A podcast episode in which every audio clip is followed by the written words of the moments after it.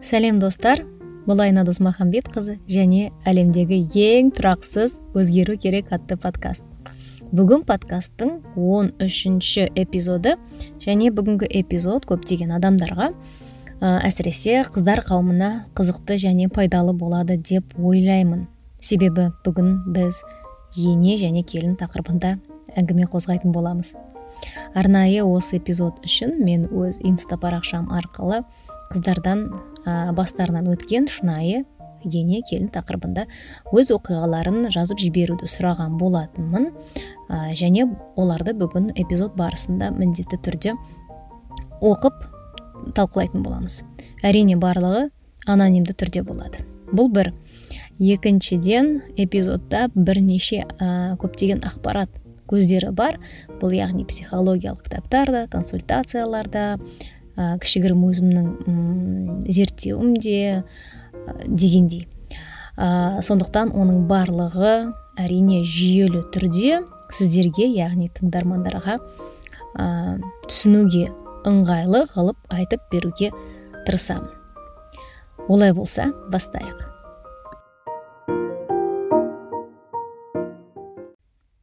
Ене мен келін проблемасы. Негізі бұл эпизод келіндерден көрі енелерге арналатын сияқты. Және ер азаматтарға. Неге? Себебі ене және келін проблемасының 90 пайызы ерлі зайыптардың арасындағы қарым қатынасқа байланысты шығады. Қалған 10 пайызы ол үй шаруасы. Стақанды дұрыс жумады шаң сорғышты орнына қоймады тағысын тағы. Оны тек екі жолмен шешуге болады. Не стақанды ұнағандай жуу не оның наразылығына мән бермей өзіңдікін істеу. Бұл жерде қайсысы дұрыс қайсысы бұрыс екенін әркім өз ойына тәрбиесіне үйдегі жағдайға тағы басқаға байланысты шешеді. Стақанды жылтыратып қойсаң да тырнақ астынан кір іздейтін енелер болады. Шаң сорғышты қалаған бұрышқа қойғызса да енесімен әдейі ерегісетін келіндер болады. Сол себепті біз бұл он пайыз түсініспеушілікке шешім іздемейік те қалған 90 пайызына көшейік. Бұл сұраққа жауап беру үшін жалпы адам психологиясы мен ана және бала психологиясына сәл үңілу керек болады. Адам психологиясынан бастайық. Кез келген адамның өміріндегі ең басты қажеттілік ол өзінің маңыздылығын сезіну. Бүкіл сату коммуникация құру конфликттен шығу тағысын тағы тренингтер осы қажеттіліктің негізінде құралған. Яғни адамға оның маңыздылығын түсінуге сезінуге көмектессең оның сізге көзқарасы бірден өзгереді. Мысалы мейрамханадағы ашулы клиенттерге неге тегін десерт немесе басқа компенсация ұсынады? Клиентті жоғалтпау үшін. Ал клиент қандай жерден өз бетімен жоғалмайды? Қай жерден кетпейді? Өзін жақсы жайлы сезінетін жерден дұрыс қой. Ал ол қай жер? Оның айтқанымен істегенімен қалауымен санасатын жер. Ал ол қай кезде мүмкін? Тек оның қалауы ә, біреу үшін маңызды болғанда мүмкін. Дәл солай жұмыста да бастықтың алдында екі адам тұрып біреуінің ойы бастық үшін маңызды ал екіншісінікі маңызды болмаса екінші адамның жұмыстан шығып кетуі біріншіге қарағанда әлде қайда ықтимал. Өз жұмысына бірінші адам қанағат болып екіншісі үнемі наразы болып жүреді. Сол үшін жұмыста премия мейрамханада тегін десерт сияқты адамның маңыздылығын оған көрсетіп тұратын нәрселер беріледі. Сату техникалары да негізі ә, сондай. Клиентке оның ойын білу үшін неғұрлым көп сұрақ қойсаңыз оның сізден бірдеңке сатып алу ықтималдылығы да жоғарылайды. О мына адам менің ә, мына адамға менің ойым қызық екен демек менің ойым маңызды екен демек мен өзім де маңызды екен деген ой қалыптасады. Қарт адамдарға келетін болсақ та неге мысалы олар өздерімен ұзақ сөйлесетін ә, отырып қасында уақыт өткізетін адамдарды ұнатады? Себебі олар физикалық тұрғыдан өте әлсіз кәрі адамдарды айтып тұрмын. Ешкімге дәл қазір олардың көмегі мысалы керек емес иә? Олар өздерін көп жағдайда қажетсіз сезінеді. Маңыздылығы яғни жоғалады.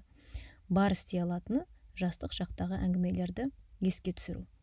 Сол әңгімелерді тыңдайтын құлақ табылса айтушының да кішкене болса маңыздылығы қажеттілігі арта түседі. Өмірге деген құштарлық пайда болады. Қысқасы керек болу маңызды болу адамның ең басты қажеттілігі. Бірақ байқасаңыздар мен келтірілген мысалдарда адамның маңыздылығын оған көрсетіп тұрған белгілі бір сыртқы фактор. Бастық тегін десерт мысалы қарт адамның әңгімесін тыңдаушы басқа бір адам.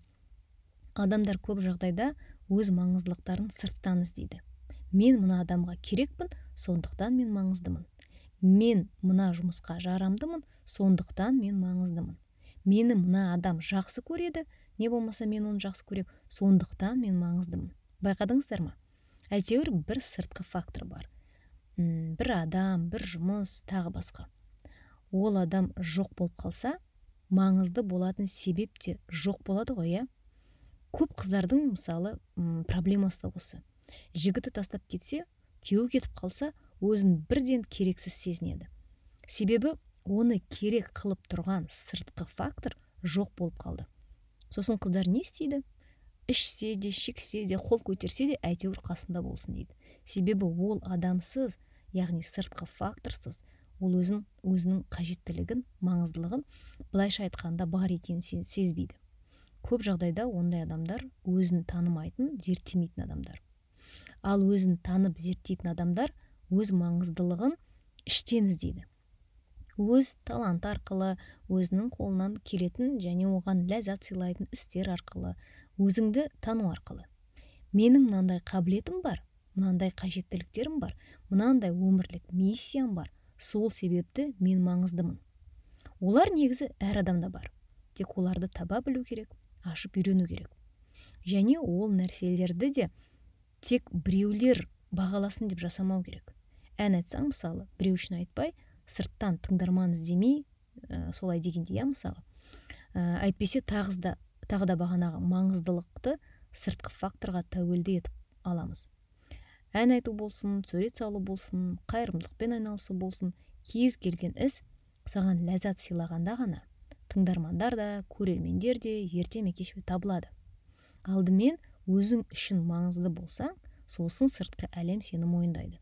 Себебі шынайы ішкі маңыздылық бірден сезіледі.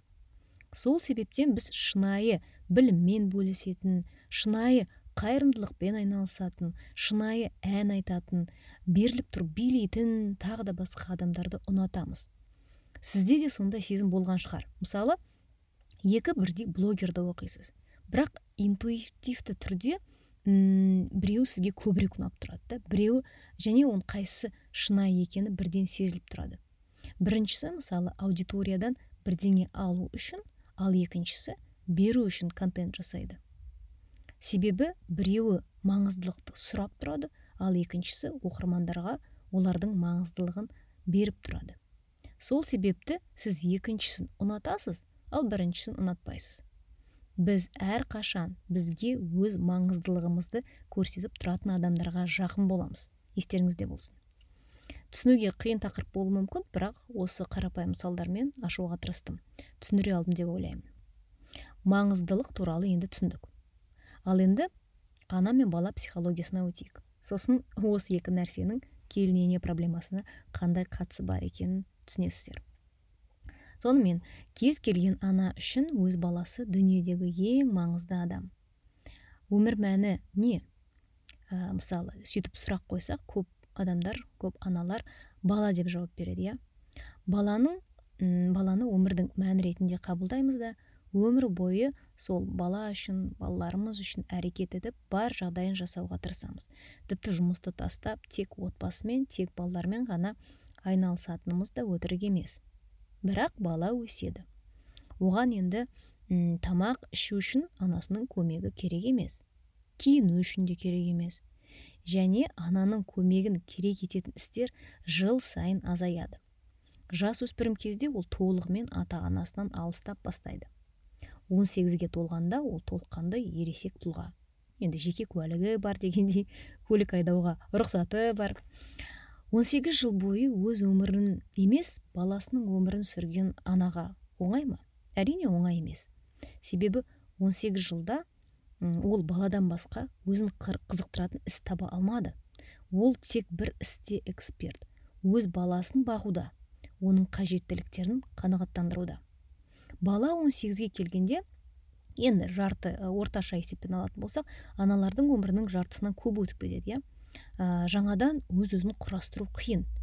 Мен неге өз өзін құрастыру деймін иә өз өзін табу демеймін себебі мен келесі тұжырыммен толықтай келісемін. Өз өзіңді табу мүмкін емес. Бірақ өз өзіңді құрастыра аласың. Бұл енді басқа ә, эпизодтың тақырыбы. Бірақ дегенімен ә, өз өзін құрастыру қайтадан қиын орта жастан бастап. Бұл жалпы баласы жоқтарға да қиын ал баласы барларға одан да қиын. Енді елестетіп көріңіз. Сіздің балаңыз сіздің басты өмірлік жобаңыз сізге жылдар бойы тәуелді болған адамыңыз кенеттен сізді керек етпей қалды. Мүлдем. Сіз керек емес болып қалдыңыз. Сіз маңызды емес болып қалдыңыз. Түсіндіңіздер ме? Аналардың көпшілігі өз маңыздылығын балалары арқылы сезінеді. Ал бала ол не? Ол бағанағы сыртқы фактор. Адамның ең басты қажеттілігі бағанағы айтқандай өз маңыздылығын сезіну. Баланың анасы уақытылы маңыздылықты ішінен таппаса өмір бойы балаларының артынан жүріп сол маңыздылықты содан іздейді. Осы жерге дейін қазір түсінікті иә? Маңыздылық пен ана мен бала психологиясы қалай байланысты екенін түсіндік. Енді бұл жерде біздің м қазақи ана мен бала психологиясына келсек ә, бұл жерде мен бала арақатынасында яғни ана мен бала арақатынасында тек қана маңыздылық пен аналық инстинкт жатқан жоқ неге? Себебі егер инстинкт жатса онда ана қызы мен ұлына бірдей қараушы еді. Ә, бірақ біздің қоғамда ә, олай емес иә. Яғни ұлы мен қызына көп жағдайда бірдей жаны ашымайды. Біздің қоғамда қыздар бір саты төмен тұрады. Бұл өтірік емес. Ә, мысалы қызы күйеуінен жылап келсе өзің кінәлісің қайт деп қайтарып жібереді. Ал ұлы келінімен сиыспаса көп жағдайда аналар ұлын жақтап оны қолдайтыны бар. Сонда бір баласына жаны ашып екіншісіне жаны ашымайтын ол не деген аналық инстинкт. Бізде бөлек қазақ инстинкт бар да ол ұлдарды қорғау деген инстинкт. Себебі біздің менталитетте әке шеше ұлдың қолында тұру керек деген түсінік бар. Жалпы біздің ғана емес бұл ә, қателеспесем көп мемлекеттерде де бар үндістерде де бар дегендей. Ә, сондықтан оның қазір дұрыс бұрысын талқыламайық ол бөлек тақырып. Алайда ондай түсінік бар және ол факт. Ұлдың қолында тұру деген ол не? Ол яғни сенің ә, кәрілігіңнің жайлы болуының кепілі дұрыс қой иә? Қайда тұрамын қалай тамақтанамын кім көмектеседі деген ә, сұрақтардың дайын жауабы. Басқа қоғамдарда мысалы жайлы қарттықтың кепілі ол жас кезінде жинаған ақшаң инвестицияң құнды қағаздарың ә, тағы басқа болса біздің қоғамда жайлы қарттықтың кепілі ол ұл баланың болуы. Ә, зейнетақың мысалы миллион болса да ұл балаң болмаса біртүрлі тұрақсыз сезім пайда болады. Бұның да дұрыс бұрысын анықтайтын мен емес бұл жай ғана факт. Енді осы екі факторды қосып көрейік. Ана және бала психологиясы және біздің менталитет. Баласы ер жеткен ана өз бағанағы айтқандай ә, маңыздылығын жоғалтады. Бұл бір. Баласы ер жетіп бөлек кетсе ол болашаққа деген сенімді жоғалтады. Яғни өзінің жайлы ә, қарттықтың кепілін жоғалтады. Ол екі. Демек анаға баланың ер жетіп бөлек кеткені қаншалықты керек? Түк те керек емес. Анаға баланың қасында болғаны осы екі себепке байланысты ауадай қажет. Маңыздылықты түсіндік ана бала психологиясымен байланыстырдық менталитетті қостық. Ары қарай кеттік. Баласы ер жетіп ғашық болғанда әр ана өзін бақытты сезінеді. Неге? Себебі баласы бақытты. Ал оны бақытты қылатын кім? Сүйікті қызы. Сол себепті ә, ол қызды қызбен кездесіп жүргенде ол қызды анасы да ұнатады. Қазір подкастты тыңдап жатқан қыздардың арасында бұндай жағдайды басынан өткізгендер бар деп ойлаймын. Ә, мысалы үйленбей тұрып жігіттің анасымен қарым қатынасы жақсы болған кездер. Ал неге үйленгеннен кейін соншалықты бұл қарым қатынас өзгереді? Себебі сіздің статусыңыз өзгереді. Егер қыз кезіңізде сізде оның баласына еш ресми құқығыңыз жоқ болса енді кенеттен пайда болды. Неге аналар сезімнен қорықпайды? Яғни қыз жігіт болып жүргенде ә, бағанағы махаббат сезім бар ғой арада. Бірақ одан көп жағдайда аналар қорықпайды. Қайта сол ә, қызбен кейде жақсы қарым қатынас болады иә? Ал ә, азаматтық статустан қорқады. Яғни әйел болғаннан кейін қорқып бастайды. Себебі ә, сезім ертең бәсеңдейді. Ал азаматтық статус күшейеді. Арада мысалы бала пайда болады. Ер адамның енді анасының алдындағы емес әйелінің алдындағы жауапкершілігі артады. Әйелдің құқықтары ресми түрде заңмен бекітілген ал ананың құқықтары бекітілмеген. Ертең ер адам мысалы әйелін тастап кетсе әйелі ресми түрде оны алимент төлеу тағысын арқылы мысалы ә, сондай амалдармен сол ер, ер адамды әрекет еткізе алады. Ал анасын тастап кетсе анасында ондай орысша айтқанда рычаг жоқ. Қысқасы баланың үйленгені оның анасынан алшақтауына әкеледі. Ал ол алшақтаса анасында қорқыныш пайда болады. Мені кім асырайды мен кімге керекпін? Мен мына дүниеде кіммін дегенде. Бұл сұрақтарға жауап жоқ. Себебі бізде көп жағдайда мені балам асырайды деген варианттан басқа план б жоқ бізде. Бұл қорқыныштардың бәрі көп жағдайда бейсаналы болуы мүмкін. Яғни адам өзінде бұндай қорқыныш бар екенін білмеуі де мүмкін. Және дәл сондай оймен әрекет етіп жатқанын білмеуі де мүмкін. Сондықтан ондай аналар көп жағдайда бейсаналы түрде ал кейбіреулері саналы түрде өз баласын басқаруға тырысады. Себебі басқарылатын адам ғана ертең сенің айтқаныңды істейді. Ал үйленгеннен кейін кенеттен ер адамды басқара алатын енді бұйрық бере алатын дейік иә ресми түрде басқа адам пайда болады. Бұл конфликт бұл қауіп. Сенің балаңды ерт, яғни сенің ертең арқа сүйер тірегіңді біреу алып қоятын бір қорқыныш та. Бұл кез келген кез келген ерлі зайыптардың арасындағы жанжалда енелердің келіндерін емес өз ұлдарын қолдайтын бірден бір себеп. Өз ол өз баласын қолдап ә, жатыр дегенге мен мысалы сенбеймін. Себебі отбасын құрған ер адам ол бала емес ол еркек және біреудің қызына жауапкершілік алған еркек ересек адам. Не үйлендірме не үйлендірсең араласпа. Бала деп көрме оны болды. Не былай не былай шығу керек. Өзіңді асырайтын кезде оны ересек адам деп көрсең мысалы ақша керек кезде одан сұрағанда оны ересек адам деп көрсең әйелімен сыйыспай жатқан кезде де оны дәл солай өз проблемасын шеше алатын ересек адам деп көру керек. Әйтпесе бұл екі жүзді стандарт. Мына жерде ол ересек ал отбасылық жанжалда анасының етегіне тығыла беретін бала. Болмайды олай. Енелердің басты қорқынышы ол кей жағдайда баласы үшін емес өзі үшін сияқты. Өз болашағы үшін. Мысалы ана баланың тізгінін иә біреу алып сенің болашағыңды басқарып ә, кету қорқынышы сияқты да. Себебі біз бәріміз кәртиеміз әлсірееміз күніміз біреуге қарап қалады. Сол кезде сен мысалы мүлдем ештеңеге төтеп бере алмай алмайтын күйде қалғанда өз өзіңді қорғай алмайтын жағдайға жеткенде өз асыңды өзің дайындап іше алмайтын күйге жеткенде қасыңда бөтен адам болғанын ешкім қаламайды. Сол себепті ә, енелердің жалғыз үміті өзінің ұл баласы. Сол себептен ұлына деген қызғаныш пайда болады. Сен оны басқа адаммен бөліскің келмейтінің де сол. Әйелі басқарып балаңды басқа жолмен алып кетеді ме деген қорқыныш пайда болады. Сен жоспарлап қолға сен жоспарлап қойған жолмен емес. Сенің жарқын болашағыңа жайлы қарттығына апаратын жол емес. Бұл да факт. Бұл кәрілік бұл тәуекел. Бұл да әр әйелдің басына келетін нәрсе.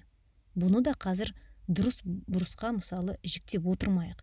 Себебі 20 жаста 30 жаста мен ертең ә, супер кәрілік болады мысалы. Я өзімнің тамағымды мен точно өзім құйып іше алам маған ешкім керек емес болады деп айту оңай. Ал уақыт келгенде білмеймін ертең біз елу алпысқа тақағанда біздің ойымыз да өзгеруі мүмкін иә? Әбден. Сондықтан бұл жерде бұның мысалы қаншалық дұрыс дұрыс, дұрыс емес екенін ә, шешетін біз емес иә? Бірақ бұл фактор бағанағы келін мен ене арасында және неге енелер өз ұлын қорғай беретіннің арасында өте үлкен роль ойнайды. Сонымен маңыздылық ана бала психологиясы және біздің менталитетті қосқанда неге енелер үнемі өз баласын қорғайтынын ә, түсіндік деп ойлаймын. Бірақ менің келіспейтінім мына бір факт. Дәл осы жайлы қарттыққа келінмен соғыспай да қол жеткізуге болады. Мен кейде отбасылық жанжалда ұлын қорғай беретін енелерден әрқашан сіз неден қорқасыз? деп сұрағым келеді. Ұлыңыз сөзбе сөз жекпе жекте әйелінен ұтылып қалатыннан ба? Сөзбен жеңілсе демек аргумент жоқ жетпеді аргумент жетпесе мүмкін оныкі шынымен дұрыс емес шығар. Мүмкін әйелдің айтып тұрғаны дұрыс болар.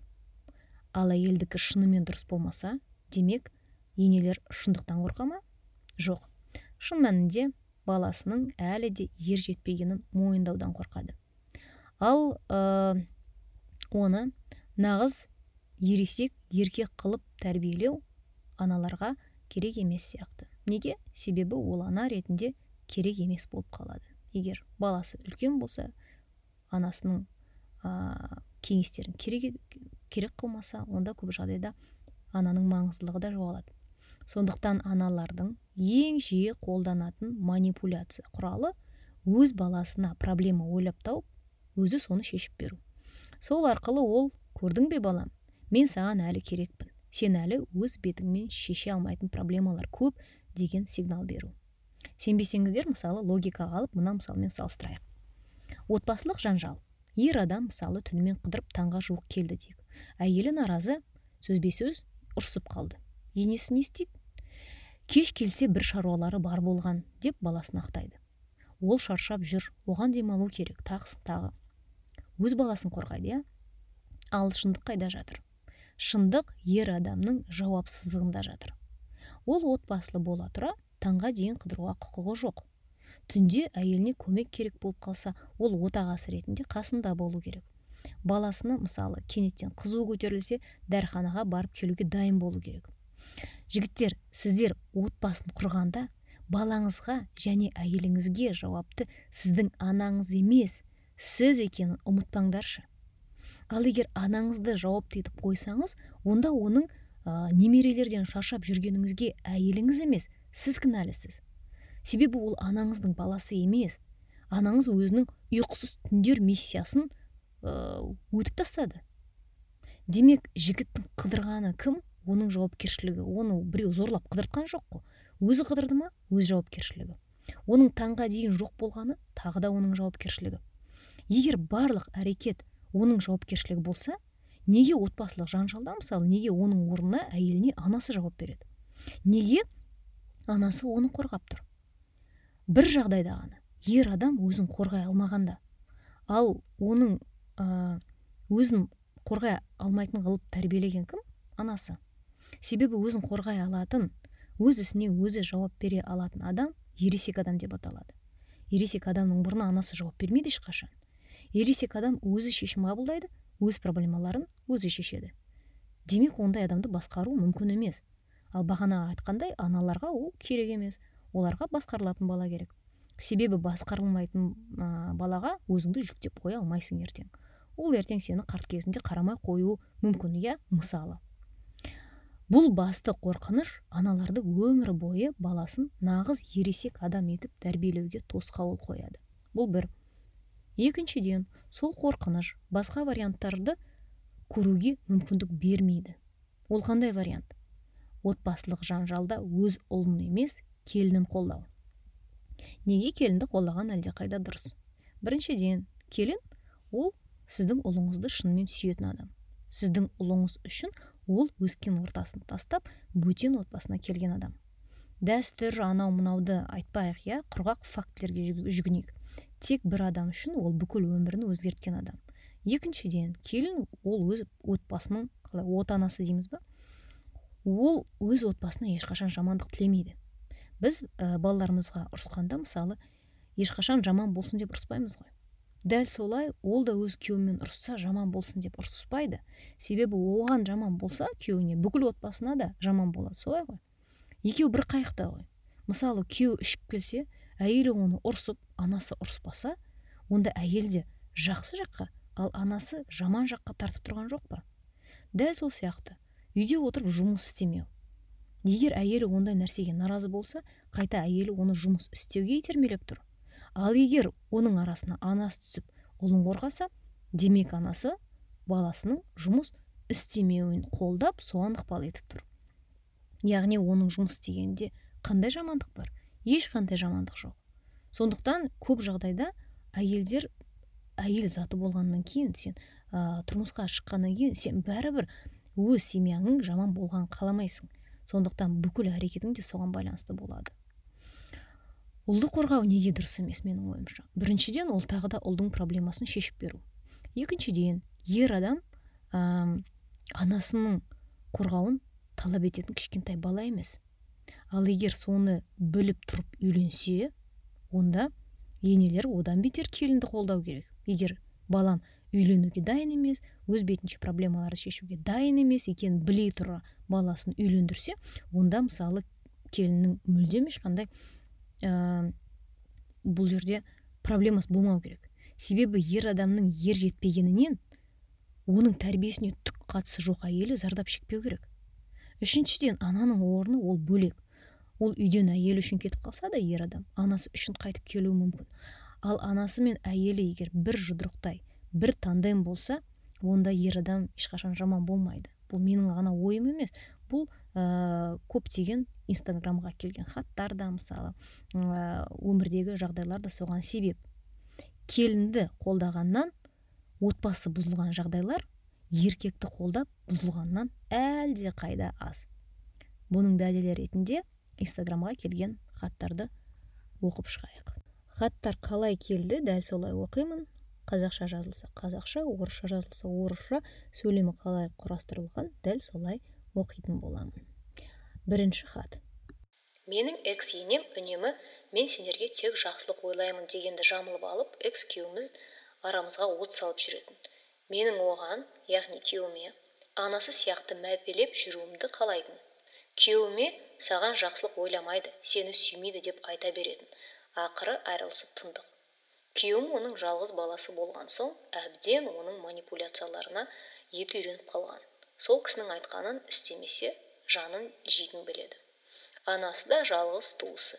Басқа еш туыстармен араласпайды анама қарсы ештеңке айта алмаймын деп күйеуім де қалады. Екінші хат. Енем баласы ұрғанын көріп тұрып дұрыс тіліңнен табасын дейтін. Крайний мен болып шығатынмын. Ақыр аяғында ажырасып тындық. Үшінші. Енем жұмыс жасауыма қолдау көрсетіп үлкен екі баламды қарап берді. Біреуін бес жарым айында екіншісін тоғыз айында. Кішісін бала күтушісіне қараттым. Өте керемет жан кездесті. Өз баласындай қарады. Енем жолдасымен ренжіскен кезде ұрған кезде де шынайы мені қолдамады. Ешқашан шынайы баласына қой деп айтпаған бөлек тұрған соң қарым қатынасымыз дұрысталды келесі хат Мне 17 лет. Папа умер, и мачеха выгнала из дома. Мне некуда было идти, и пошла к своему парню. Он привел меня к себе домой, а там его мама закатила истерику. Ни кола, ни двора, сирота, от нее нету толку. Она завтра родит одни, одних больных детей. Я тебе говорила, женись на дочери богатых родителей. Ты с этой умрешь голодной смертью. Благо его папа нас поддержал, была свадьба, мы поженились. За мной ничего не привезли, ни приданного, ничего. Это ее тоже задело. Два года жили с ней. Муж не выдержал ее оскорблений в мой адрес, и мы решили переехать от нее очень-очень далеко, в Алматы. Через 20 лет брака она попросила прощения за те слова. Сейчас она всем говорит, не обязательно откуда жена, не обязательно, чтобы у нее было приданное. Если молодежь любит друг друга, они всего сами добьются. И говорит, у меня самые лучшие и умные внуки. Иногда что-то опять возвращается, и она мне говорит, ты вышла замуж за состоятельного парня. Радует, что мы живем друг от друга очень далеко и видимся один раз в год. келесі хат өте ұзақ сондықтан басын және бірден аяғын оқып беремін жолдасым жалғыз ұл екі қарындасы бар енем токсичная өте көп негатив жіберетін мені жек көреді және ұлын қызғанып арамызға түсе берген соң бөлек тұрам деп шештім. Оңай болмады. Жан жақта жан жақты қыспаққа алып ар ұятқа давить етіп көргенсіз келін дегендей сөздер айтты. Бірақ мен бөлек тұру шешімімен қайтпадым. Дуалаған тағы басқа деген оймен ұлын қорғамақшы болды сөйтіп бөлек шығып кетті күйеуі қолдады. Қазір аллаға шүкір. Барлығы жақсы араласып бірақ енесінен бөлек тұрады. Енем абсолютно всегда қолдайды. Бір жылда бірге тұрдық. Сосын қайтыс болды. Түске дейін ұйықтаймын. Сол бір жылы бір жыл бойы. Бір рет те сөккен емес. Күнде тұрғанда доброе утро доча как самочувствие дейтін күліп. Кейде каша готова покушай дейтін. Менің өз анам ешқашан үйтпейтін кейде ертеңмен енеме звондайтын. Мен ұйықтап жатқан кезде. Мен не істеп жатыр деп сұрайды. Ұйықтап жатқанымды естіп енеме ұрсатын ол неғып ұйықтап жатыр тұрсын деп. Бала туылғанда да көп көмегі тиді. Сол ұйықтататын дейді. Қайтыс болған соң баланы қалай ұйықтату керек екенін қалай қарау, керек екенін үйрендік қой. Жатқан жері жаннатта болсын дейді. Енемен бірге тұрамыз. Тұрмысқа шыққаныма бес жыл. Аллаға сансыз шүкір керемет жан. Құрбыларымызбен бас қосқанда басталады енелер жамандау. Даже бірге тұрмайды. Мен ешқашан ондай әңгіме қосылмаймын анау меня золотая деймін болды. Шынымен жай шайға пирог пісірсем мама оны күшті қылып мақтап шай ішіп алады. Еще кешке телефонмен сөйлескенде айта береді. Мелочь но такая поддержка балалармен әрқашан қалып көмек береді. Қайта маған шығып кел бар бой жаз деп жолдасыма айжанды бір жаққа апарып кел деп қолдап отырады. Сондықтан мен үшін ене мен ене мен келін деген тақырып нақтырақ ұрыс керіс түсініспеушілік деген дым таныс емес нәрсе екен. Мамамды қатты жақсы көремін бәрін алып беремін денсаулығына қараймын. Даже қазір мен телефонмен отырмын ыдыс жуып болып ал мама балаларды қарап отыр дейді. Келін болып түскеніме әлі бір жыл болмады. Алғаш келген сәттен маған келін емес өзінің бір баласындай қабылдады. Екі айдан соң аяғым ауыр екенін білдім. Ауру өтті угроза токсикоз. Сол кезде туған анамдай қамқорлық көрсетіп күнде сорпалап алдыма бар тәттісін тосты.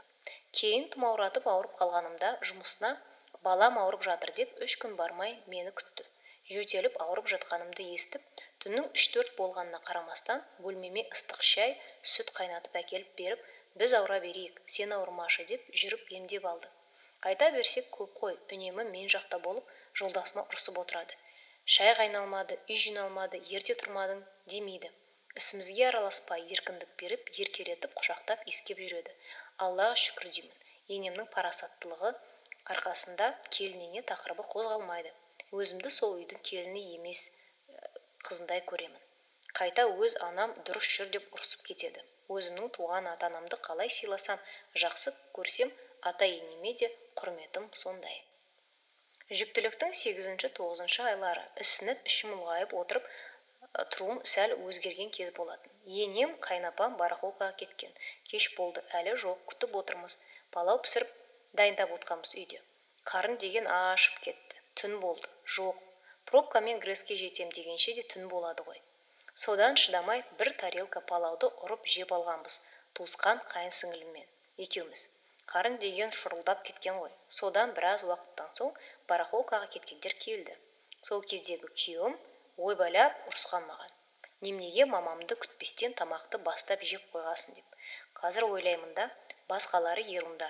Қасыңдағы байың поддержка бермесе қиын екен ғой. Поддержка көрсетпейтін адаммен бірге болудың қажеті жоқ екен.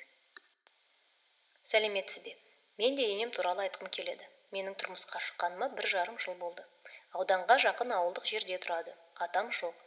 Жарты жылдай бірге тұрдым. Бір сөйлеп көрмеді. Керісінше бірдеңе айтқысы келсе ренжіп қала ма көңіліне алып ала ма ол негізі былай еді деп алыстан бастайды. Сәуір айынан бері жұмыс бабымен әрі енемнің бастапқы отбасылық жылдары жеке тұрғандарың жақсы деп бөлек жіберді. Жолдасым хотя жалғыз бала әрдайым қызым қызым деп мені ойлап жүреді. Бар жағдайымды жасап посудомоечный машина алып берем деп жүр жақында. Айта берсем көп алғысым көп ол кісіге. Менің алтын күйеуімді тәрбиелеген алтын адамға мен де мінез көрсетіп көрмеппін. Алла көпті кетпесін тек тұрмысқа шыққалы екі айдан кейін соғым алдық ішінде ішек қарны бар екен. Күйеуім ішек қарын тазала деген. Енем сол кезде ұрсып тастаған. Қаладан келген қызға не айтып тұрсың? Ол ондайды көрмеген. Уақыты келгенде үйренеді деп сол кезде риза болғам дейді сәлеметсіз бе айна ханым. Менің енеммен қарым қатынасым өте жақсы. Келін боп түскеннен жалғыз ұлы болса да бізді бөлек тұруға жіберді. Қазір он үш жыл болды әлі бөлек тұрамыз. Оқыңдар жұмыс істеңдер өмірді көріңдер деп жіберген болатын. Бұл бір. Мен үйде баламен отырғанымда өзі ертіп автошколаға жазды. Балаларды өзінің кружоктарға мектепке тасы дегені. Сол үшін өте ризамын. Осы қолдауының арқасында үш жылдан бері өзім за рулем жүрмін. Жалпы айта берсем көп жақсы жақтары. Асығыс жақ. Үйленгеннен кейін ата енеммен бірге тұрдық. Енем бар жағынан да маған қамқор болуға тырысты. Киімді де алып беретін аса үй шаруасына да жұмсамайтын бірақ ұлын қатты қызғанатын. Ұлымен ұрысып қалсақ енем маған ренжіп сөйлеспей қалатын. Неге екенін сол беті түсінбедім мен енемді ренжітіп қойған жоқпын ғой. Тіпті күйеуім маған қол көтергенде де ты сама виновата дегені бар. Күйеуім ауырып қалса да жұмыстан мазасыз келсе де таңға дейін қыдырса да енем маған ренжіп менімен сөйлеспей қоятын. Сонда оның ұлының көңілінің көтеріңкі болуына жұмыста оған басты ұрыспауына суық тиіп қалмауына мен жауапты болуым керек па? Түсінбедім. Отбасылық өмірге араласып өз ұлын қорғай бергені соншалықты мен енеме тұрмысқа шыққандай болып сезіндім. Ақыры ажырасып кеттім. Арада бала қалды. Бұл келген хаттардың оннан бір бөлігі шығар бірақ басты үш заңдылық байқалып тұр. Бірінші заңдылық егер отбасы бірге тұрған кезде ата енесімен және енесі ұлын қызғанған және әрқашан ұлын қолдаған кезде отбасы ә, көп жағдайда ажырасып кетіп жатыр. Яғни бұл үш фактор сәйкес келсе онда отбасы көп жағдайда ажырасумен аяқталады. Екінші заңдылық көріп тұрған. Бұл егер ене келініне өз қызындай қараса әрқашан ұлын емес қайта келінін қолдаса көп жағдайда отбасы сақталып ене мен келіннің ара қатынасы өте жақсы болатынын байқадық. Тіпті өз анасын қалай жақсы көрсе енесін де солай жақсы көріп ертең өзі ақ сол енесіне қамқор болғысы келіп тұрғаны осы хаттардан айқын байқалады. Яғни ешқандай да қорқыныш болмайды енелерде. Ертең кәрі болғанда қайтем кімнің қолында қалам дегендей мысалы қорқыныш болмайды. Және үшінші заңдылық бұл ене келін ара қатынасында ер адамның өте үлкен рөлі. Яғни ә, көптеген хаттарда отбасы бөлек шығып кеткен кезде бұл шешімді күйеулері қолдаған. Күйеулері қолдамаған жағдайда бұл әрине сәтті аяқталмайды. Күйеулері қолдаған жағдайда ә, бұл жанжалды шешу мүмкін. Және ә, дәл осы заңдылық келесі нәрсеге келесі тұжырымға әкеледі. Бұл қандай тұжырым? Ене келін келіспеушілік проблемасын шеше алатын тек қана ер адам. Себебі ер адам бұл ә, қойылымдағы дейік иә ең басты кейіпкер. Себебі әйелі де оған жақсы болсын деп ә, соның қамын ойлайды анасы да оған жақсы болсын деп қамын ойлайды бірақ екеуі сыйыспай қалады. Бұл жағдайда біздің ер адамдар көп ә, жағдайда не істейді? Моя хата с краю деген позицияны ұстанады бұл әйелдердің арасындағы жанжал мен оған кірмеуім керек. Ол қай кезде кірмеуі керек? Иә мысалы бағана айтқан он пайызда кірмеуі мүмкін. Стақанды қалай қою шаңсорғышты қалай қою дегендей. Бірақ одан бөлек ә, бағанағы тоқсан пайыз проблема болғанда ол моя хата с краю деп тұра алмайды. Себебі бұл өзінен бағанағы айтқан жауапкершілікті анасына іліп қою не болмаса әйеліне іліп қою. Бұл жанжал әйелдердің жанжалы емес себебі оның түп нұсқасы яғни ә, түп себебі бұл тікелей ер адамға байланысты. Бұл жерде көп жағдайда еркек ситуациясını өзінің қолына алып айту керек. Так мама мынау менің әйелім мен оны жақсы көремін. Әйеліне де айтады так мынау менің мамам мен оны жақсы көремін. Былай да былай. Мен өзім шын айтсам дәл сондай ситуацияны өз көзіммен көрген адаммын. Сол кезде ана ол ана бәрібір ол ұлын бәрібір кешіреді. Дәл сол сөйтіп айтқан кезде ренжісе тағы екі үш күн ренжісе де бұл аналық жүрек сондай. Ол жұмсақ ол бәрібір баласын кешіреді. Әйел де сол кезде мысалы ә, ондай таңдау қоюға болмайтынын түсінеді. Иә мысалы ана ма әйел ма? дегендей себебі екеуі де ер адам үшін өте жақын жандар. Бірақ ер адам ә, бір жағынан анасы тұрса бізде бар ғой андай керемет сөз жұмақ ананың аяғының астында деген иә. Бірақ соны айта отырып әйелдің де ә, рөлі бөлек екенін ұмытады. Яғни алла тағала әйелді ер адамға аманат ретінде тапсырады. Енді егер ә, дінге кететін болсақ бізде көп жағдайда отбасылық жанжалда ер адамдардың айтатын сол иә дінде былай жазылып тұр демек мен анамды таңдауым керек дегенде ә, ал дінде әйел адам адамды алла тағаланың өзі ер адамға аманат ретінде тапсырып отырғанда көп жағдайда ер адамдар ә, бұл жақ бұл фактіге көз жұма қарауына өз өздеріне рұқсат береді. Бұл екі жүзді стандарт. Бұл инфантильді адамдардың істейтін қадамы инфантильді деген яғни әлі өспеген ер жетпеген баланың әрекетін істеп отырған. Себебі үйленуге қадам басса сен автоматты түрде кішкентай бала емессің. Сен, сен өз отбасылық проблемаңды мамаңа папаңа жүктеп қоя алмайсың. Сен өзіңнің таңдауыңды анаңның мойнына іліп қоя алмайсың. Сондықтан түнде құтыру анау мынау деген нәрсені сені сол үшін анаң қорғап тұру ол ұят ер адам болғанда сені отбасылық жанжалда анаңның қорғап тұрғаны ол ұят. Анаңның алдында өз әйеліңді қорғай алмау да бұл еркектік іс емес бұл инфантильді баланың ісі. Бірдеңкені кішкентай балалар бүлдіріп қояды да сосын мойындай алмайды ғой. Дәл сондай мысалы нәрсе. Сондықтан ә, осы хаттарға тағы да жүгінсек әйелің қолдағанда түсінемін ол оңай болған жоқ. Мысалы кейбір хаттарда айтып тұр ғой. Мен бөлек шығамын дедім болды иә. Өз позициямда тұрдым сонда күйеуім қолдады дейді. Көп жағдайда мен хаттарды сіздерге бір хат ретінде оқыдым.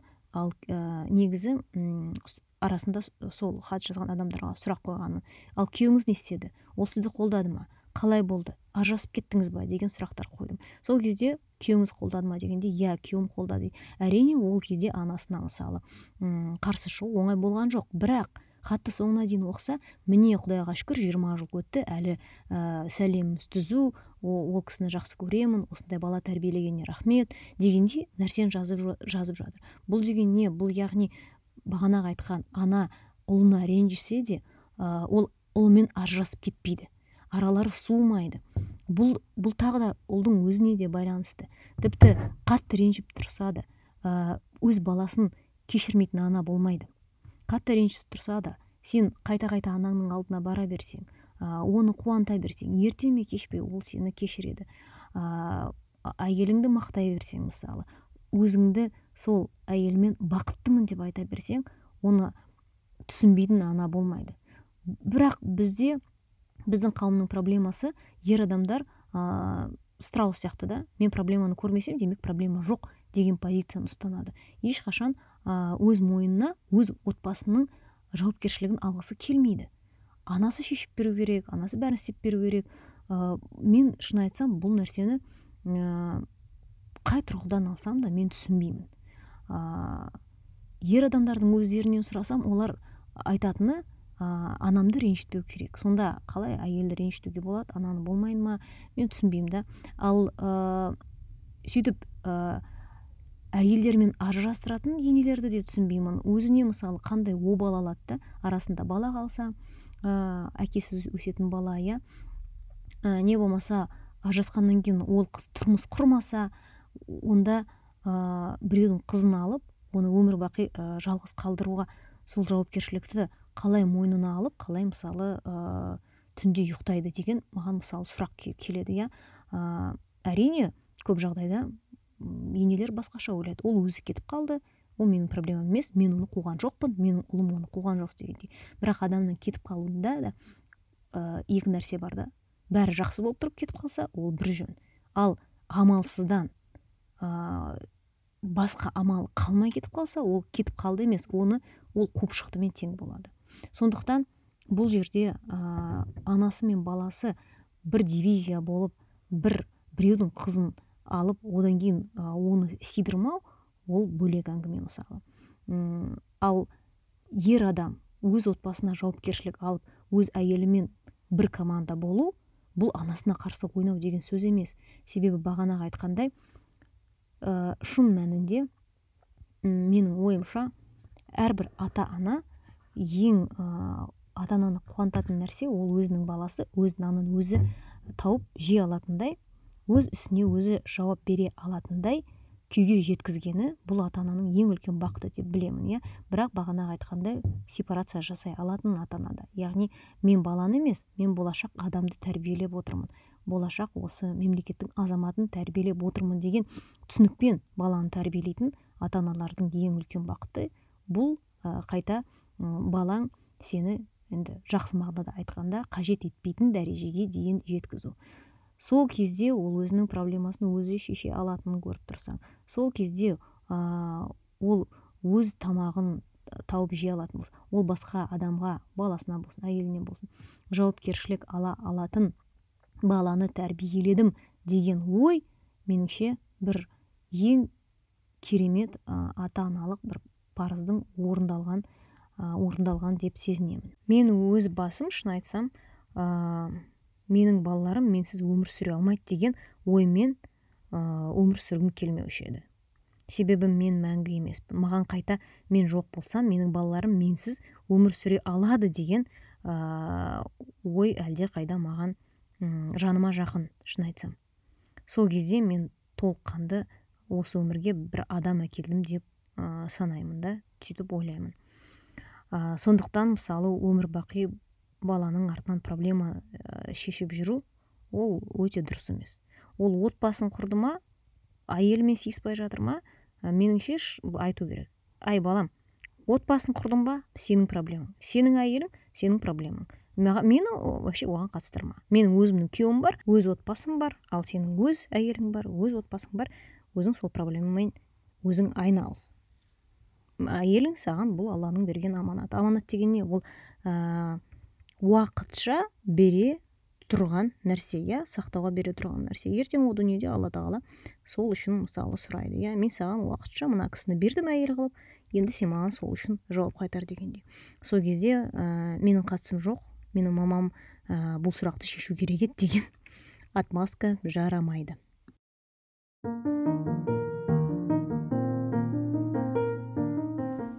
Бүгінгі эпизод осымен тәмам. Әзірше подкасттың ең ұзақ эпизоды. Бірақ тақырып та оңай емес. Ене келін институты ғасырлар бойы қалыптасып келе жатқан нәрсе. Оның өз плюстары да минустары да бар. Алайда қазақстанның ажырасу статистикасының басым бөлігі отбасына басқа адамдардың араласу екенін ескерсек қазіргі кезде оның минустары көп сияқты.